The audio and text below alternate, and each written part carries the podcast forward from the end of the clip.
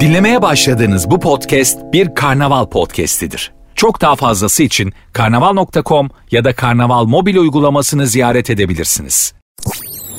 Sertünsüz.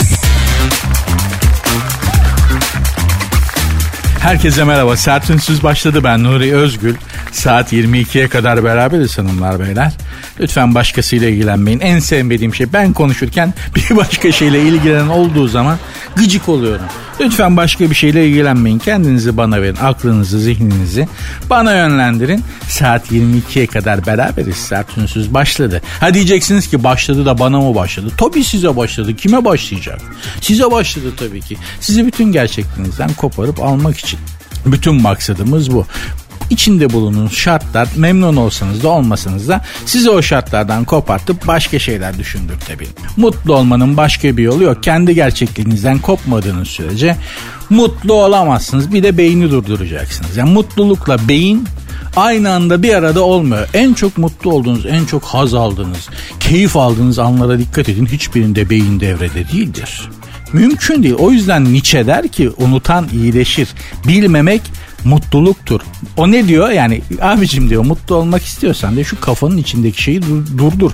Zaten beyin ya vücudumuzdaki insan vücudundaki insanın aleyhine işleyen tek organ. Yani bir erkek bünyesinde iki tane var. Yani bir dağda iki aslan olmaz der ya mutlaka kavga ederler. Alan savaşı yaparlar. Beyinle o, o, o bir savaş halinde zaten dikkat edin birbirlerine uzak o mümkün olduğu kadar da uzak durmuşlardır. Ee, yani beyni de neyse tehlikeli sulara girdik. Ama dikkat edin gerçekten birbirlerini pek işine karış. Birinin dediğini öbürü yapmaz. Öbürünün dediğini öbürü yapmaz falan. Zıtlaşırlar. Gerçekten de birbirlerine en uzak noktalarda uzak durmuşlardır. Aman aman ne şeytan görsün yüzünü der gibi. Fakat beyni devreden çıkarmakta fayda var. Mutlu olmak istiyorsanız birinci şart bu. Bir sürü mutluluk formülleri var. Şimdi açın kişisel gelişim kitaplarını işte Osho'yu okuyun, Sun Tzu'yu okuyun, onu okuyun, bunu okuyun. Hiç fark etmez. Ben size formülü vereyim. Beyni devreden çıkaracaksınız. Zaten çok fazla kullandığımız bir organ değildir yani. Şimdi hani dünyanın gidişatına baktığınız zaman beyinle yönetilen bir gezegen olmadığı çok açık. Değil mi? Aa ne diyeceksiniz ki neden mutluluk yok? Senin kafan çalışıyor, beynin çalışıyor da o yüzden mutluluk yok. Yoksa öküzler için, sığırlar için dünya cennet. Dünya cennet görmüyor musun? Bak küçük çekmecede denize giren iki grup birbirine birbirine dalmış. Kavga etmişler. Denizin içinde dize gelen su da hani alan kavgası yapan su aygırları gibi. Ama bunlar iki ayaklı düşünün. E şimdi bunlar mutlu. Sen ben mutlu değiliz anlatabiliyor muyum? Niye? Çünkü beynimizi devreden çıkartamıyoruz. O yüzden iki saat boyunca şalteri indirmeyi size şanteri indirtmeyi vaat ediyorum. İnşallah başarabilirim hanımlar beyler. Siz de bana bir şeyler söyleyebilirsiniz. Nasıl? İşte Twitter'dan ya da Instagram'dan bana yazabilirsiniz. Hem Twitter adresi hem Instagram adresi aynı programın sert unsuz yazıp sonuna iki alt tire koyuyorsunuz. Benim Instagram adresim de var. Nuri Ozgul 2021. Sertünsüz. Bülent Ersoy'un ham altın hediyesi hanımlar beyler. Haberin başlığını yazan arkadaş belli ki hani gazetecilikle falan çok alakalı bir arkadaş değil. Çünkü başlık dediğin şey bütün haberi anlatır ve okutur ama aynı zamanda. Bülent Ersoy'un ham altın hediyesi neymiş? Bülent Ersoy'a madenden çıkarılan ham altın hediye edilmiş. Bülent Hanım Uşak'ta sahneye çıkmış. Ersoy'u görmek için çevre illerden seven otobüs kaldırmışlar. Aydın'dan falan filan. Bülent Ersoy Uşak'a gelmişti. Bildiğim böyle hani kadınlar eskiden bize benim rahmetli anneannem, babaannem işte dedelerimi toprağa verdikleri zaman bir kadın network'ü oluşturmuşlardı. Ee, böyle ko- kocalarını gömüp onların maaşını kendine bağlatıp iki emekli maaşıyla oh rahat eden hanımlar bir araya gelir. E şimdi ahir ömürleri adamı da gömmüşler. Artık hani öbür tarafa daha yakın hissediyorlar kendilerini. Otobüs kiralayıp böyle 15-20 tane yaşı ileri dul hanım buradan bir topuk Selimiye, oradan Bursa cami cami gezerlerdi. Aynı onun gibi Bülent Ersoy, Bülent Arsoy diyordum özür dilerim. Bülent Ersoy'u görmek için de Uşak'a giden konser için Bülent Hanım'ı görmek için de çevre illerden otobüs kaldırılmış. Aman gidelim de Bülent Ersoy'u görelim diye. Çünkü Bülent Hanım kıymetli bir sanatçı olmasının yanında aynı zamanda e, bir monument yani bir abidedir. Yani dikili taş gibi. çemberli taş gibi. Anlatabiliyor muyum? Hani Zeugma gibi, Zeugma mozaikleri gibi. Bülent Hanım aynı zamanda bir anıt olarak da ziyaret edilebilir. Öyle bir kadındır yani giyimiyle, kuşamıyla, makyajıyla falan. İşte Uşak'ta sahneye çıktığında 4 saat sahnede kalmış. 4 karbon fiberden misiniz hanımefendiciğim yani Bülent Hanım? Size de bir hitap etmeye çok tırsıyorum ama e, 4 saat sahnede kalmak ne? Maşallah 70 yaşında 4 saat sahnede kalmış. 15 dakika sonra sesi pert olan ses sanatçıları biliyorum sahnede. Se- seyirciye dönerler. Hadi hep beraber. O ne o? Ses gitti oradan. Şimdi sizde falan diyor ya şarkı. O neden söylüyor? Onu neden yapıyor? Ses gitti çünkü çıkmıyor "Ee" diye. O arada ses tellerini dinlendirmek için. Neyse ama Bülent Hanım 4 saat sahnede kalmış ki Bülent Hanım'ın adetidir bağırarak şarkı söyler. Yani yerinden değil bağırarak. Yerinden söylemek başka bir şey. Bülent Hanım bağırarak söyler 4 saat. Vallahi tebrik ederim. Nazarım değmez Bülent Hanım hiç korkmayın. Uşak'ta kendisine işte ham altın hediye etmişler. Böyle madenden çıkarılmış haliyle. Bülent Hanım da demiş ki ay bana demiş bugüne kadar hiç ham altın hediye edilmemişti. Ama bunu da diğerleri gibi dev kasamda e, saklayacağım demiş. Demek dev bir kasası varmış Bülent Hanım. Zaten Bülent Hanım'ın dev olmayan bir şeyi düşünülemez. Onun yani her şeyi devdir. Yani hani evdeki mutfak robotu Rondo da devdir yani. Hani beni atar içine Rondo da bızz diye soğan gibi. Hani o kadar o da devdir yani. Bülent Hanım deyince gözünüzün önüne küçük hiçbir şey gelemiyor Bülent Hanım'la ilgili. İşte demiş onu da demiş dev kasamda saklayacağım ki Bülent Hanım yapı itibariyle yani hani bakarak o ham altından Trabzon vurmasına çevirebilir. Trabzon bulması ol bakayım der. Ha, o altın anında olur korkudan. Biliyoruz da konuşuyoruz. Ama ham altın hediyesi enteresanmış. Acaba Şimdi hanımlar severler yani. Değil mi? Hani sevdiğiniz birinden altın hediye almak, bir bilezik, bir şey, bir kolye, bir altın hediye almak güzel bir şey. Bunda ayıplanacak, utanacak bir şey yok. Ama hani ham olarak almak hoşunuza gider mi hanımlar?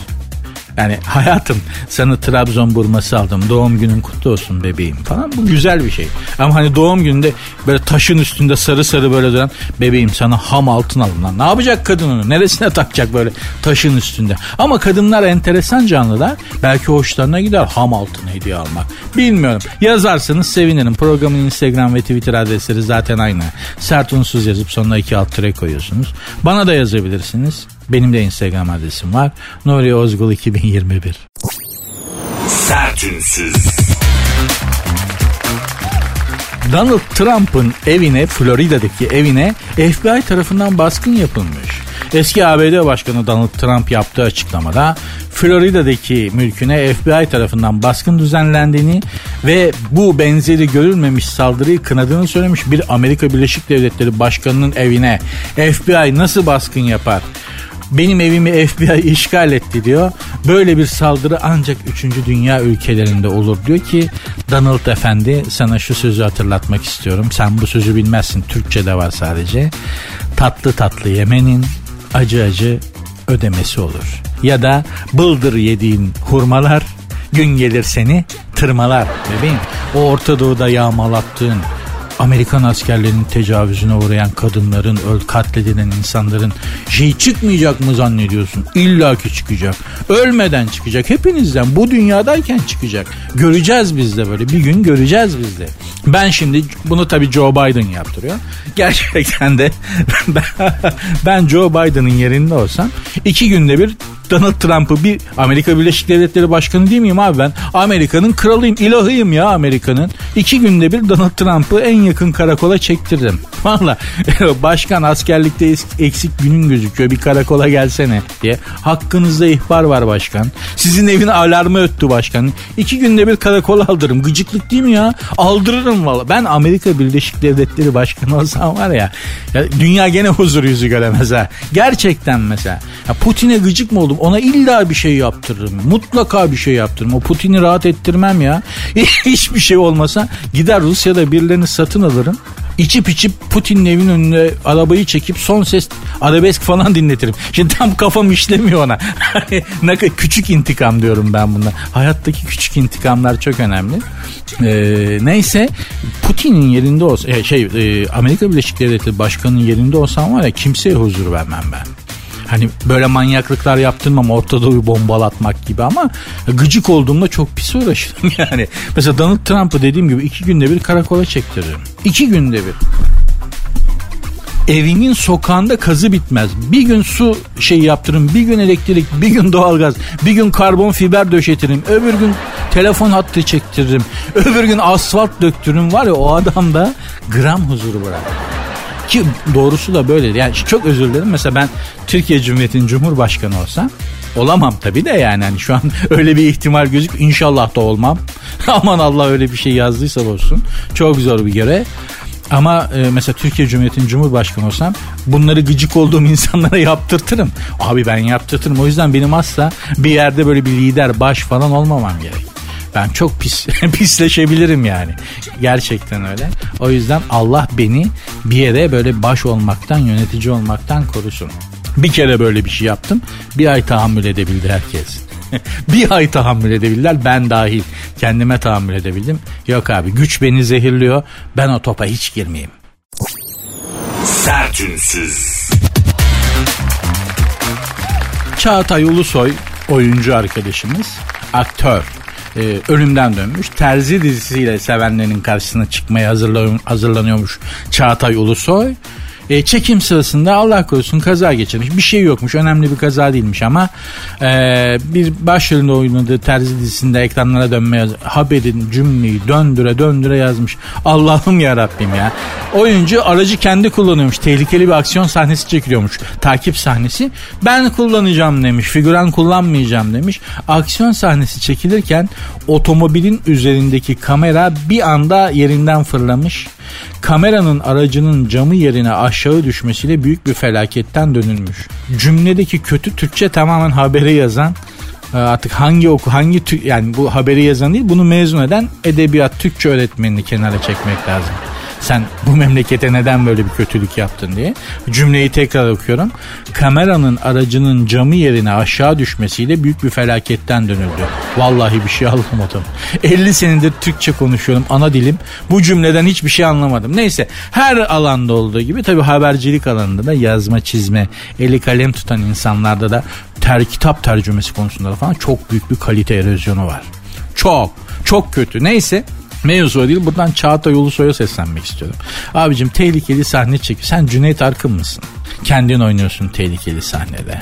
O Cüneyt Arkın'a o bir tane geldi bir daha da kolay kolay gelmez. Atla diyorsun duvardan atlıyor. İki atın üstünde gidiyor. İki atın arasında gidiyor.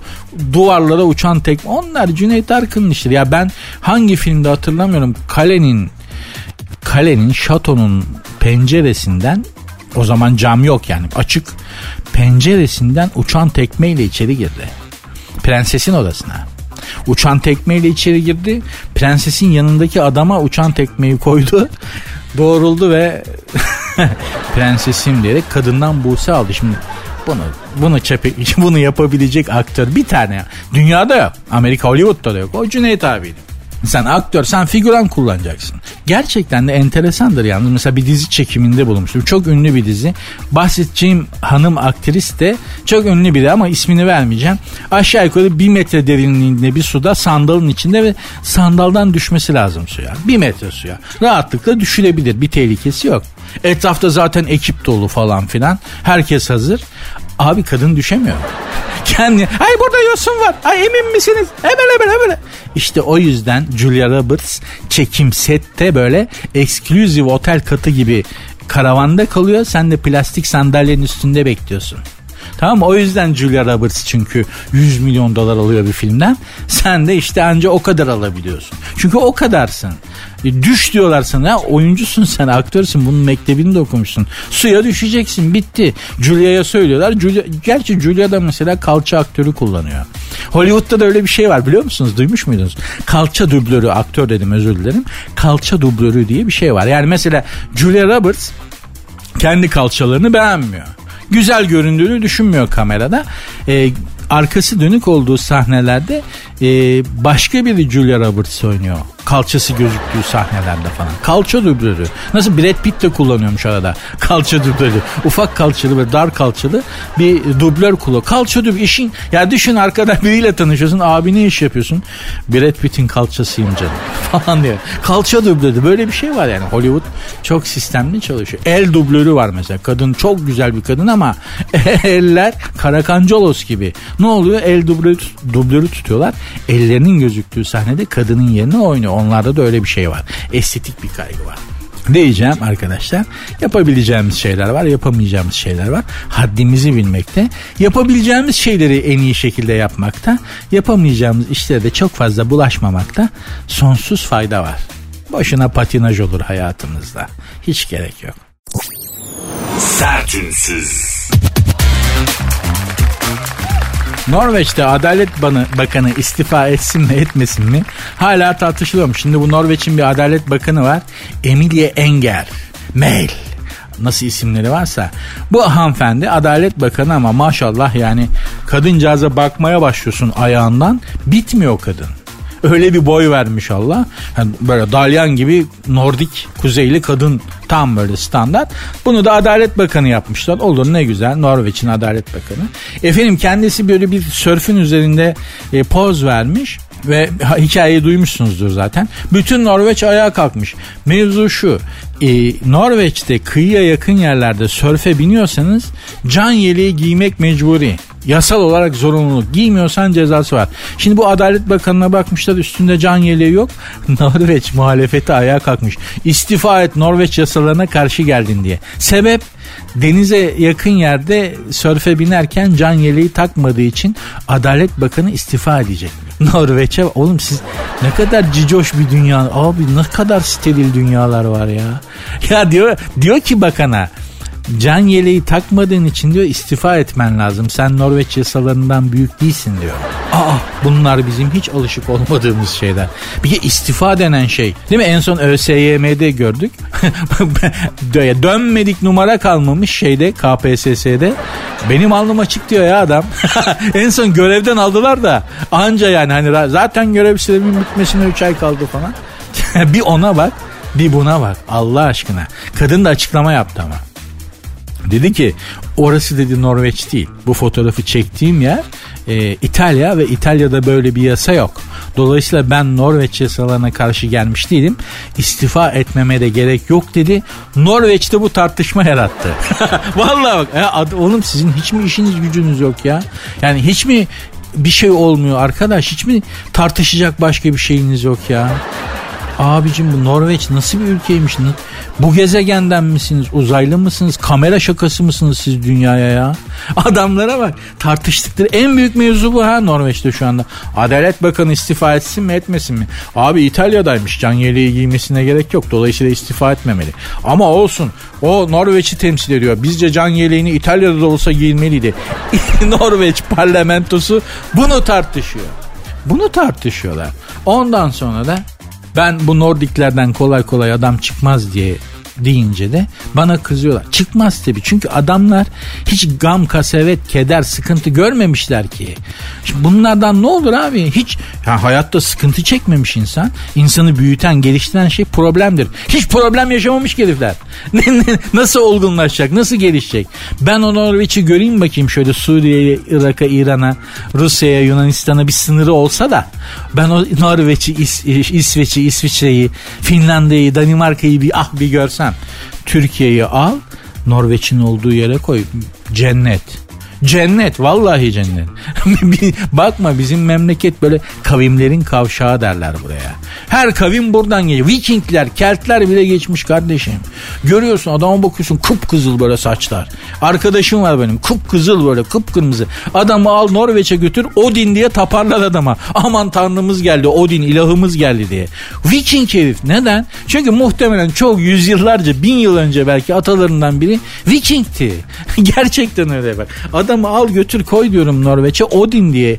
İlahımız geldi Thor geldi derler ya.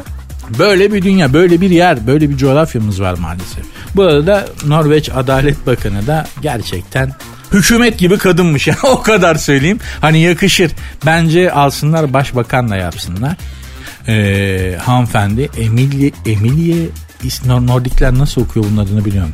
Emily Engel Mehel hanımefendi. Kendisini tebrik ediyoruz. Can yeleği giysin. Ne olur ne olmaz. Norveç'te değilim can yeleği giymeme gerek yok deme. Giy Emily'cim. Sertünsüz.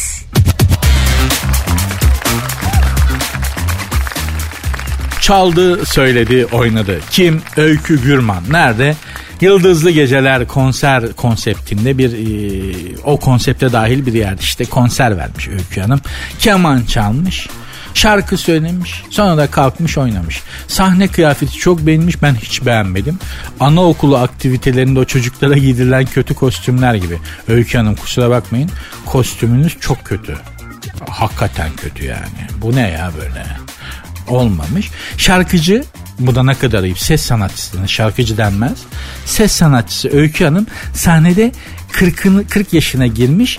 40'ına girmenin verdiği coşkuyla yıllar sonra ilk kez keman çalmış bir kadın, bir insan özellikle de bir kadın 40'ına girdi diye nasıl coşar ya?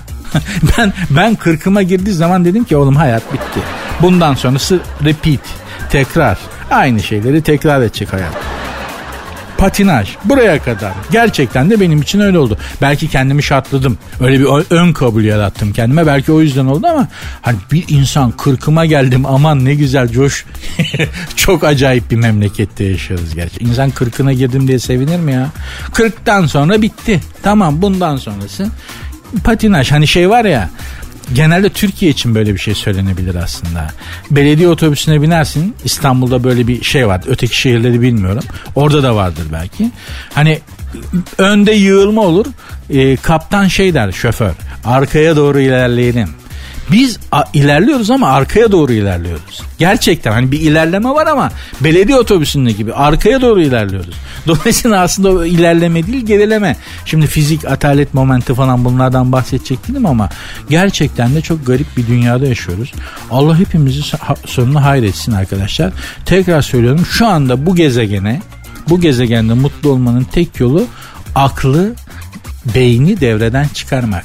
Sıfır beyin büyük mutluluk. Başka hiçbir saadet formülü yok. Ne yaparsanız yapın. Hangi sistemi uygularsanız uygulayın gram faydasını göremeyeceksiniz. Bir tek yolu var. Düşünmekten vazgeçin. Beyni devreden çıkartın e, öküze bağlayın vallahi mutluluk orada. Ben işte biliyorum da söylüyorum görüyorum da söylüyorum yani. Ha yapabiliyor muyum? Hayır ama gördüğüm kadarıyla dünyada bu, bu insanlar çok mutlu oluyorlar çok rahat oluyorlar her yere de adapte oluyorlar bir denemekte fayda var. Ben yap ben denedim yapamadım. İnşallah siz yaparsınız. Mutlu olmanızı çok isterim. Gerçekten çok isterim. Maalesef yaşadığımız dünyada da bunun başka bir yolu yok. Yani zaten hani kapıları tutmuş, köşeleri tutmuş insanlara bakın. Hani göreceksiniz ne olduğunu. Daha fazla konuşup vakvakları da ürkütmek istemem açıkçası. Ben programın Instagram ve Twitter adreslerini de vereyim. Belki lazım olur bir şeyler yazmak istersiniz. Abi şundan da bahset Nuri'cim şunu da anlatır mısın? diye demek isteyebilirsiniz. Olabilir. Bahsederiz de evelallah. Programın Instagram ve Twitter adresleri zaten aynı. Sert unsuz yazıp sonuna iki alt koyuyorsunuz. Benim Instagram adresim de Nuri Ozgul 2021. Sertünsüz.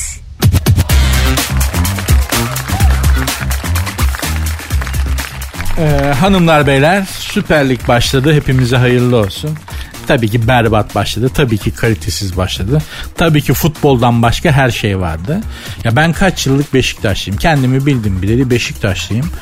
Ee, Beşiktaş'ı izlemekten çok zevk alırım. Bir sene bil fiil fanatikliğim var. İnönü'de kapalı tribünün altında kara gümrük bölümünde. Bir senede fi, fanatik yani bildiğin pis fanatik taraftarlığım var bir sene 20 yaşımda. Beşiktaş'ın müptelasıyız ama ya ben bana deselerdi ki Nuri Beşiktaş'ı seyredeceksin. Evet ve hiç keyif almayacaksın. Vallahi inanmazdım. Ya vallahi ben Beşiktaş yenilirken bile Beşiktaş'ı izlemekten mutlu olan biriydim ya. Bu hale geldi futbol Türkiye'de. Neyse işte yani kalitesizlik her yerde olduğu gibi futbolda da var. E, Fenerbahçe enteresan bir başlangıç yaptı. Artık yani şimdi Fenerbahçeli arkadaşlar da kızmasınlar ama ya bu kader mi arkadaşlar? Hani e, hariçten müdahalelerle çözülemeyecek bir şey haline mi gelmeye başladı? Ne diyorsunuz? Bilmiyorum ama 3-3 berabere kal Ümraniye Spor'la. Ya Fenerbahçe kendi sahasında e, ligin açılış maçında hiçbir takımla 3-3 berabere kalmaz. Fenerbahçe Kadıköy'de ligin açılış maçını kazanır. Ya biz öyle biliyoruz değil mi? Şimdi Fenerbahçe'den bahsediyoruz. Beşiktaş da öyledir. İnönü'nde Beşiktaş ligin açılış maçında berabere kalmaz arkadaş Galatasaray'la. Bunlar böyledir yani. Ama Fenerbahçe Ümraniye Spor'la tebrik etmek lazım Ümraniye Spor'la. 3-3 berabere kaldı. Bizi beni ilgilendiren kısmı Fenerbahçe'nin teknik direktörü Jorge Yor Yor ya bunların da var ya arkadaş İspanyol olduğu zaman Jorge oluyor. Portekizli olduğu zaman Jorge oluyor. Fransız olduğu zaman George oluyor. Ulan bir araya gelin de bir karar verin be kardeşim. Bu şimdi Portekizli mi? Ne bu nereydi Portekizli değil mi? Yor mu deniyor? Yor işte aman be kardeşim. Jesus. Ha bir de öyle İspanyolsa Jesus, e, İngilizse Jesus, e, Latinse Jesus falan ya arkadaş kendinizden tiksin dediniz Allah aşkına yani. Şuna bir karar verin ya bunun ne olduğunu söyleyin bilelim. Benim adım Nuri dünyanın her yerinde Nuri ya. Başka bir şey denmiyor yani. Hani dünyanın başka bir yerinde bana ötük bitik falan denmiyor işte Nuri lan. Her yerde benim adım böyle yani. Sizin niye böyle değil? Enteresan işler. Neyse Jesus diyelim, Jesus diyelim neyse. Jesus demiş ki ben demiş henüz demiş. Yani neden 3-3 kardeşim Fenerbahçe bu sene de mi yoksa hüsran babında bir soru sormuş. Adam şey demiş bu Türkiye'deki demiş yabancı sınırlamasına alışamadım demiş haklı. Çünkü Türkiye'de futbol dışında hiçbir yerde yabancı sınırlaması olmadığı için arkadaşlar hani gel baba hani Yeter ki gel be kardeşim. Hani kapılar açık, sular seller. Hiçbir yerde yabancı sınırlaması yok. Ben bazı yerlerde e, garson arkadaşlarla anlaşamıyorum. Çünkü e, göçmenler yani işte Afganlı ya da Suriyeliler ve Türkçe hakim değiller. Dört yani dört kere aynı siparişi dört kere izah etmek zorunda kaldığımı hatırlıyorum. Ya, ve şöyle bir kaygı yok yani ne onları çalıştıranda ne de kendilerinde. Ya ben şu Türkçeyi biraz kıvırayım da hani ekmeğime bakayım değil mi?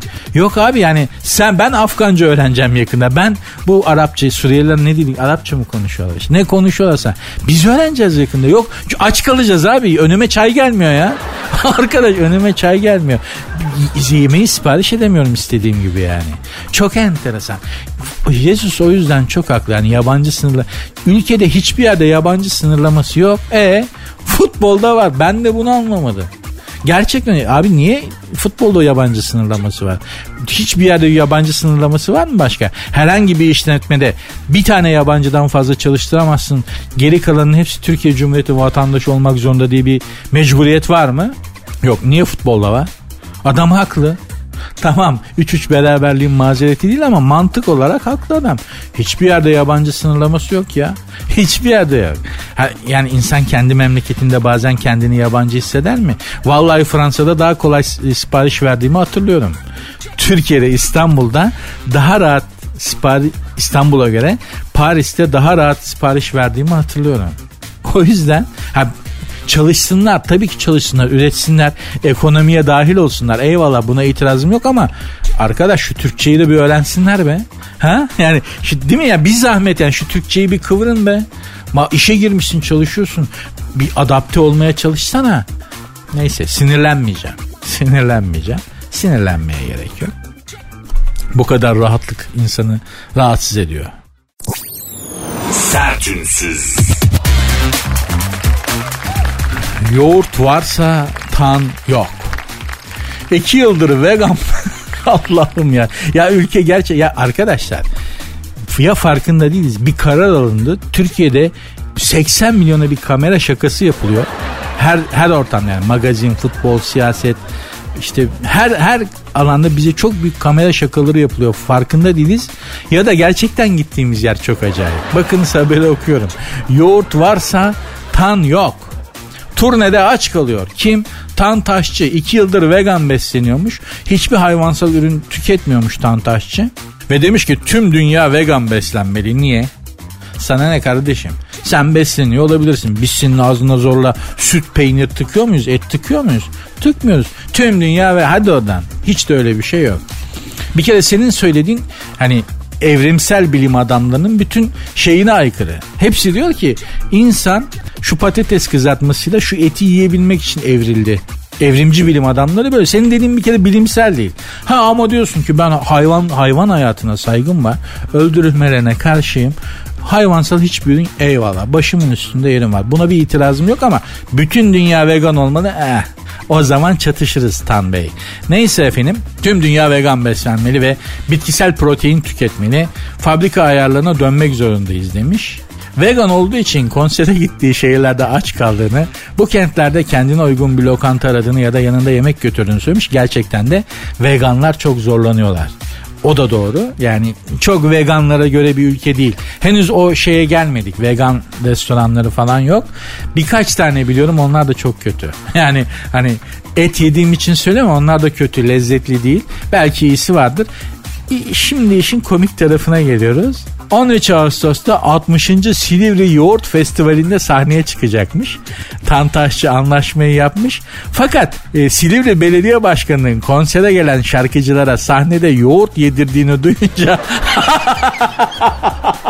anlaşmayı iptal etmiş. ya babacım ekmeğine baksana sen ya. Sen paranı al başkana dedi ki Başkanım de ben de hayvansal yoğurt tüketmiyorum de. Siz yoğurt kabı gibi getirin içinde ezogelin çorbası. Ondan getirin ben yoğurt yemiş gibi yaparım babacım de. Sen ekmeğine baksana bu kadar militan vegan olmaya da gerek yok ki tancım. E, ya bu böyle akmayacak bu para her zaman böyle gelmeyecek sen kenara koy paranı kötü günler için. Aman efendim ben veganım sahnede ya yoğurt yiyormuş gibi yaparsın. Kimler neler yapıyor Betan? Ya yapma kardeşim bak çok ararsın bu paraları sonra. Allah aratmasın da yani. Ama ya şunu var ya ancak bir sitcomda e, ya da bir komedi filminde olur. Orada da şey derler abi biraz abarttık mı acaba falan diye sorarlar yani. Adam sahnede belediye başkanınınki de nasıl bir fetişmiş ya. Sahneye sahne sahneye çıkan her sanatçıya ellerimle yoğurt yedireceğim. Bu nasıl bir dünya arkadaş? Silivri de enteresan bir yermiş. Gitmedim. Allah da düşür yani Silivri'yi Allah düşürmesin derken e, şeye hani hapishane falan var ya oraya oralara Allah kimseyi düşürmesin. Silivri soğuk olur bu mevsimde diye bir laf vardı hatırlıyorsunuz. Onunla hiç muhatap olmamak lazım. Onun dışında Silivri benim bildiğim İstanbul'un yazlığıydı bir zamanlar. Şimdi artık İstanbul'a dahil oldu ama. Silivri'nin yoğurdunun meşhur olduğunu duymamıştım hiç. Demek ki öyleymiş sahneye çıkan her sanatçıya da el cihazıyla yoğurt yedirmek isteyen belediye başkanının öyle bir belediye başkanı var Silivri'nin. Enteresanmış. Acaba Silivri'nin girişinde de öyle belediye ekipleri dursalar her gelene bir kaşık yoğurt beldemize hoş geldiniz. Güzel Silivri'mize aç ağzını aç bakayım. Oh diye böyle ha kaymaklı manda yoğurdu falan ne güzel olur. Değil mi? Alternatifler sonsuz. Ben buradan önermiş olayım. Silivri Belediye Başkanı'na. Acaba makama gelenlere de öyle bir ikram ediyor. yoğurt. Olur valla güzel. Beldenin ürünü yoğurtsa yoğurt. Sertünsüz. Atlara destek ayı safariden. Turizmci Yasemin Yılmaz geçen yıl Kırgızistan'a e, düğün yemeği olarak götürüle, götürülürken kurtarılan 60 at için çiftlik kurmuş e, hanımefendi turizmciymiş. Kırgızistan'da at eti yeniyor biliyorsunuz. E, biz de hani biz Türkler de at eti yermişiz vaktiyle değil mi? Hatta temel gıda gıdamızmış at eti. İşte Kırgızistan'a düğün yemeği olarak düğün yemeği yapın at kavurma yapıyor yani adamlar. Ama attan şaşlık yapıyorlar. At antrikot falan yani böyle bir şey at eti. Ben de bir keresinde arkadaşlar bilmeden bir e, res at eti yapılan bir yere gittim bir restorana. Yer arkadaşlar Antwerp şehri Belçika tarafları. Eş dost arkadaşlarla beraberiz. Yabancı Belçikalı arkadaşlar. Dediler ki seni güzel bir yere götüreceğiz. Yemek yiyeceğiz. Ben de dedim ki ya domuz eti falan yok değil mi arkadaşlar? Hani Hani böyle şey. yok yok dediler biliyoruz canım sen yemiyorsun falan. Ama güzel bir yer. Çok şık. Gerçekten de hani papyon falan takıp ya da gravat takıp gidiyorsun. Öyle ben geldim tişörtle falan içeri almıyorlar. Gittik. Gittik baktım böyle nefis bir bina. Bütün bina restoran. ışıl ışıl böyle çok klas. Yani kalite akıyor. Binanın dışında da sokağa giriyorsun bakıyorsun. ışığı bile farklı. Diyorsun ki lan Allah Allah falan. Hani çok lüks yerde de insan eziliyor be kardeşim. Alışık değil ya bünye. Sonuçta ben işçi çocuğuyum. Tamam mı? İstanbul Sarıyer'de doğmuş büyümüşüm. Bünye reddediyor. Yani bün, hani genetik kodlarında olmadığı için bir de içer bir giriyorsun abi masa. Masaya oturduk. Çok şık zarif. Gar garsonlar benden daha şıktı öyle söyleyeyim yani. hani garsonun oturması benim garsona servis yapmam lazım aslında. Adam daha klas duruyor bende. Böyle yukarı kıvrılmış bıyıklar, lap jöleyle taranmış jilet gibi adamlar. Kadınlar öyle servis yapanlar falan. Benim onlara servis ya. Neyse gittik masamız yerimiz ayrılmış oturduk. Girişte yalnız binanın e, şeyine at maketleri böyle at kafası konmuş falan. Ve böyle bir dikkatimi çekti. Yani süsleme zannettim ben. Eski bina çünkü. Öyle de şeyler oluyor ya. At harası, at çiftliği olan yeri sonra alıp restoran yapıyorlar. Bir zamanlar işte burada atlar duruyormuş falan filan gibi. Öyle bir şey çağrıştırdı bana. Neyse gittik oturduk. Zaten masa yani oturdum. E, masa bilmece gibi. Yani 3 tane tabak var. Sağ tarafta 6 tane çatal var. Burada 3 tane kaşık var. Büyükten küçüğe sıralanmışlar. Şurada bir tane bez var. Burada bir tane küçük tabak var. Şurada bir tane sıkacak var. Burada bir tane kerpeten var. Lan ne oluyor? Beyin ameliyatına mı giriyoruz? Yemek mi yiyeceğiz? Gerçekten soru işareti gibi. Gerildim açıkçası. Gerildim yani. Şimdi bir restorana gidiyor. Biz neye alışığız abi? Bir yemeğe bir restorana gittiğin zaman peçeteye sarılmış çatalla kaşığı getirir atar garson önüne. Peçete dürülmüştür değil mi? Getirir atar önüne. Bir şey sepetin içinde de lavaş, pide, ekmek gelir onu koyar. Yürür gidersin işine bakarsın. Abicim 5 tane çatal, 6 tane bıçak, 3 tane kaşık, bir tane 4 tane tabak, bir tane küçük tabak. Ne oluyor? Ne yiyeceğiz? Ne yapacağız? Burada ne olacak? Gerçekten geriliyorsun yani. Hani yemekten de keyif alamıyorsun. Etrafa bakayım dedim. Havel havel etrafa bakıyorum. İnsanları seyrediyorum falan. Belki işte anlatacak hani kullanacak bir şey çıkar falan. Duvarlarda böyle at resimleri var. Tablolar. At e, figürleri var. At tabloları var. At şeyleri var. Dedim herhalde restoranın sahibi aynı zamanda atçı. Öyledir yani. Babanın at harası vardır. At besliyordur falan. Yemek geldi. Yemek sipariş edildi. De, arkadaşlar dediler ki bize bırak. Spesiyeli biliyoruz. İyi tamam peki. Ne yiyeceğiz? Et. Oo dedim yolla. Et dedikten sonra tamam baba domuz eti değil değil mi? Hayır tamam. Gönder gelsin. Yiyoruz lan ette bir tuhaflık var. Şimdi kemiğe bakıyorum. Lan bu benim hani et kemikli bir et geldi tabağa. Kemiğe bakıyorum bildiğim hiçbir hayvanın kemiğine de benzemiyor. Şimdi ben yıllarca hani koyun eti, dana eti falan yedim. Onun kemiklisini biliyorum lan. Allah Allah hangi hayvanın kemiği bu acaba falan derken hani bir anda ampul yanar ya bir girişteki at figürleri restoranın içindeki her yerdeki at tabloları at bibloları e, tanımlayamadığım kemikli bir et önümde dedim ki burası at eti mi? Bu restoran dedim at eti mi pişiriyor? Dediler ki evet. Dedim Allah bildiği arasından sizi at eti mi yedirdiniz bana? Ben at eti yemem. Biri de diyor ki ya sen Türk değil misin? E siz at eti yemiyor musunuz? Ulan yiyorduk da bin sene evvel yiyorduk kardeşim. Bin sene evvel biz danaya döndük. İneğe döndük, koyuna döndük. Serseri. Neyim ben? Kırgız mıyım atın üstünde? Dıdık dıdık. Başımda börk böyle hani. Kara olan gibi mi geldim Belçika'ya? Serseri kıyafetime bir baksana. Tamam yani mekruh değil at hani şey değil hani çok büyük bir şey değil ama e, tadı çok benlik gelmedi falan filan. Türk sen Türk değil misin diyor. Ha Türk'üm ben getir dört tane daha at getir yiyeceğim bir oturuşta bir güğümde ayran getir. Serseriye bak kımız yok mu? Allah Allah biz atı bırakalı at etini bırakalı değil mi? Bin sene olmuş. Biz kebaba dönmüşüz. Şaşlığa dönmüşüz kardeşim sen. Niye böyle yapıyorsun ya? Neyse. Bıraktım yemedim. Yani çok bizlik bir tadı yoktu. Alttakinin. Ama uyansana değil mi? Bende de bir şey var yani. Gir işte binanın iki tarafında iki tane kocaman at kafası heykel. İçeride her yer bir tek servisi yapanlar at değil yani. Hani garsonlar insan. Onun dışında her şey atla ilgili.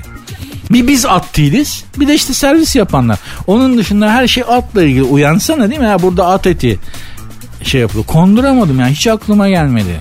Bir de çok açtım kan şekerim yerlerdeydi. Hani insan versen yiyecek durumdaydım zaten. O yüzden de belki bir Tonga'ya düştük ama neyse o iş öyle oldu. Yani at etiyle ilgili maceram böyledir arkadaşlar. Bundan sonra ne zaman mesela yurt dışında bir restorana gitsek bakarım. At, at kafası bir yerlerde at kafası var bir yerlerde at kafası varsa aman. aman abi. Oradan uzak durmakta fayda var. Çin'de de köpek heykelleri vardır. Çünkü onlar da söylemesi ayıp e, köpek eti yerler. Dikkat edin yani Çin'e yolunuz düşerse e, böyle şey hani köpek möpek fino heykelleri falan böyle bibloları görürseniz oradan koşarak kaçmakta büyük fayda var.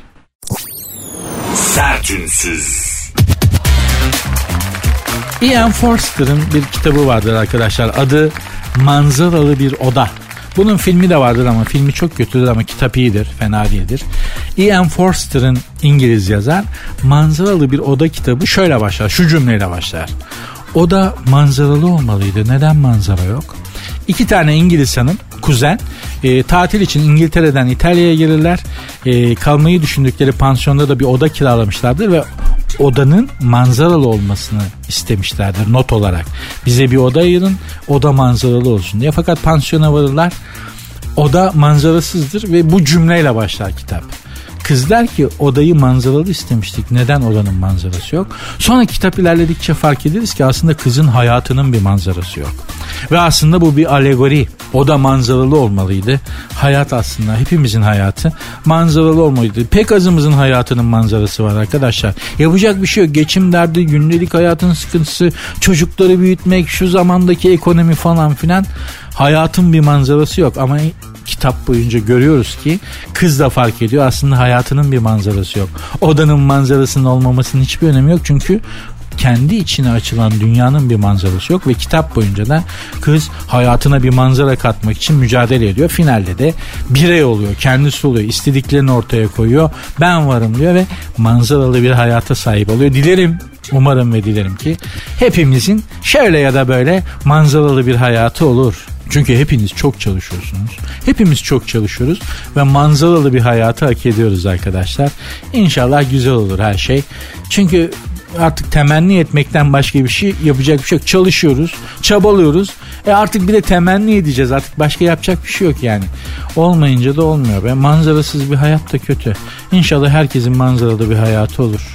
Kitaptaki gibi, kitaptaki kızın Bayan Lucy'nin başına geldiği gibi İnşallah hepimiz manzaralı bir hayata kavuşuruz da biraz oh deriz yaşadığımız şu sıkıntılı günler inşallah bizi manzaralı bir hayata götürür diye mevzuyu bağlayıp bugünkü programı da bağlar başı yapıyorum.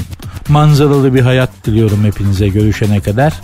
Ben sizin hayatınız bir manzara kazanamazsa biz gö- yeniden görüşene kadar ben iki saat boyunca size güzel böyle salon salamanje bir manzara gene yapmaya çalışacağım.